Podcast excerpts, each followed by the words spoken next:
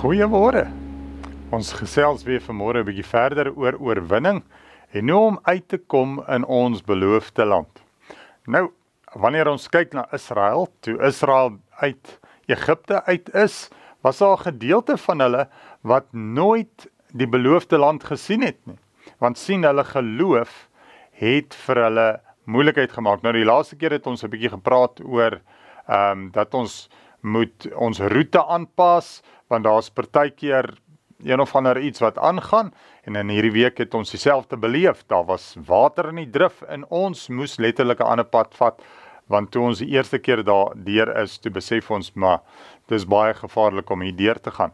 Maar nou waarvan waarvan ek wil praat is ons het baie keer struikelblokke en Israel se struikelblok was hulle ongeloof. En dit het veroorsaak dat daar slegs 2 persone van die geslag in die beloofde land gekom het en die ander het nie. As gevolg van hulle ongeloof het hulle begin mor en kla en hierdie klas van goeters.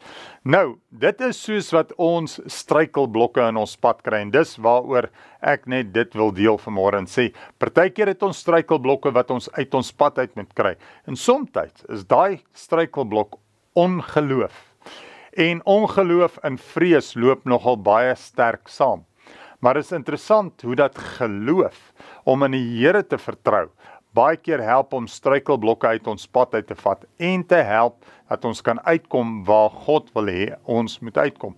Maar my geloof kan net groei wanneer ek God se woord lees en wanneer ek saam met kinders van die Here bymekaar kom en wanneer ek loop met 'n getuienis van wat God vir my gedoen het. Kyk wat doen dit aan jou geloof wanneer jy met iemand deel wat God vir jou doen. Moenie toelaat dat die vyand jou terughou nie.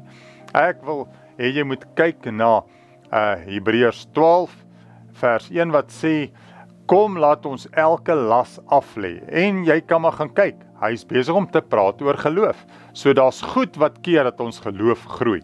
Kom ons lê hierdie goeters af en kom ons beweeg vorentoe want geloof in God is dit wat ons red en wat vir ons die oorwinning behaal. Kom ons bid net saam vir 'n oomblik. Vader, baie dankie dat U ons help en ons laat glo. Dankie dat ons vertroue in U kan lê en dat ons op U uh, dat ons in U kan glo en dat dit ons oorwinning bring. Amen.